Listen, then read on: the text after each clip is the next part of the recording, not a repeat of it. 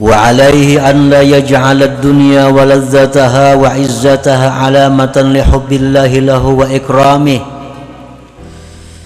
وضيق العيش علامة لإهانة الله له dan atas seorang hamba itu pula wajib atas seorang hamba bahwa dia tidak menjadikan dunia kelezatannya kemuliaannya sebagai tanda cinta Allah dan kemuliaan Allah. Dan menjadikan susahnya hidup sebagai tanda penghinaan dari Allah. Nah jangan sampai itu.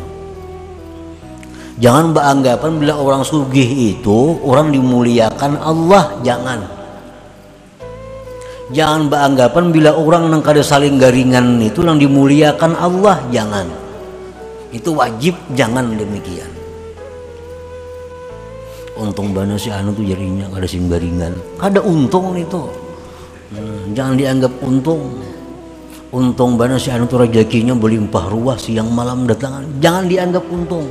Wajib jangan menjadikan dunia kelezatannya itu sebagai tanda bahwa kecintaan Allah dan kemuliaan dari Allah dan susahnya hidup jangan dijadikan Allah menghinakan. Jangan jangan dijadikan. Nah Pak Kasudin itu bakal ahli ibadah ya tapi sakit hidup pasian benar. Nah seolah-olah kekayaan itu jadi tanda disayangi Allah. Orangnya Pak Amal penyembahyang tapi begaul sandu pulang tapi hidupnya susah. Kenapa? Kan di mana salahnya si kan kayak itu jangan kayak itu banggapan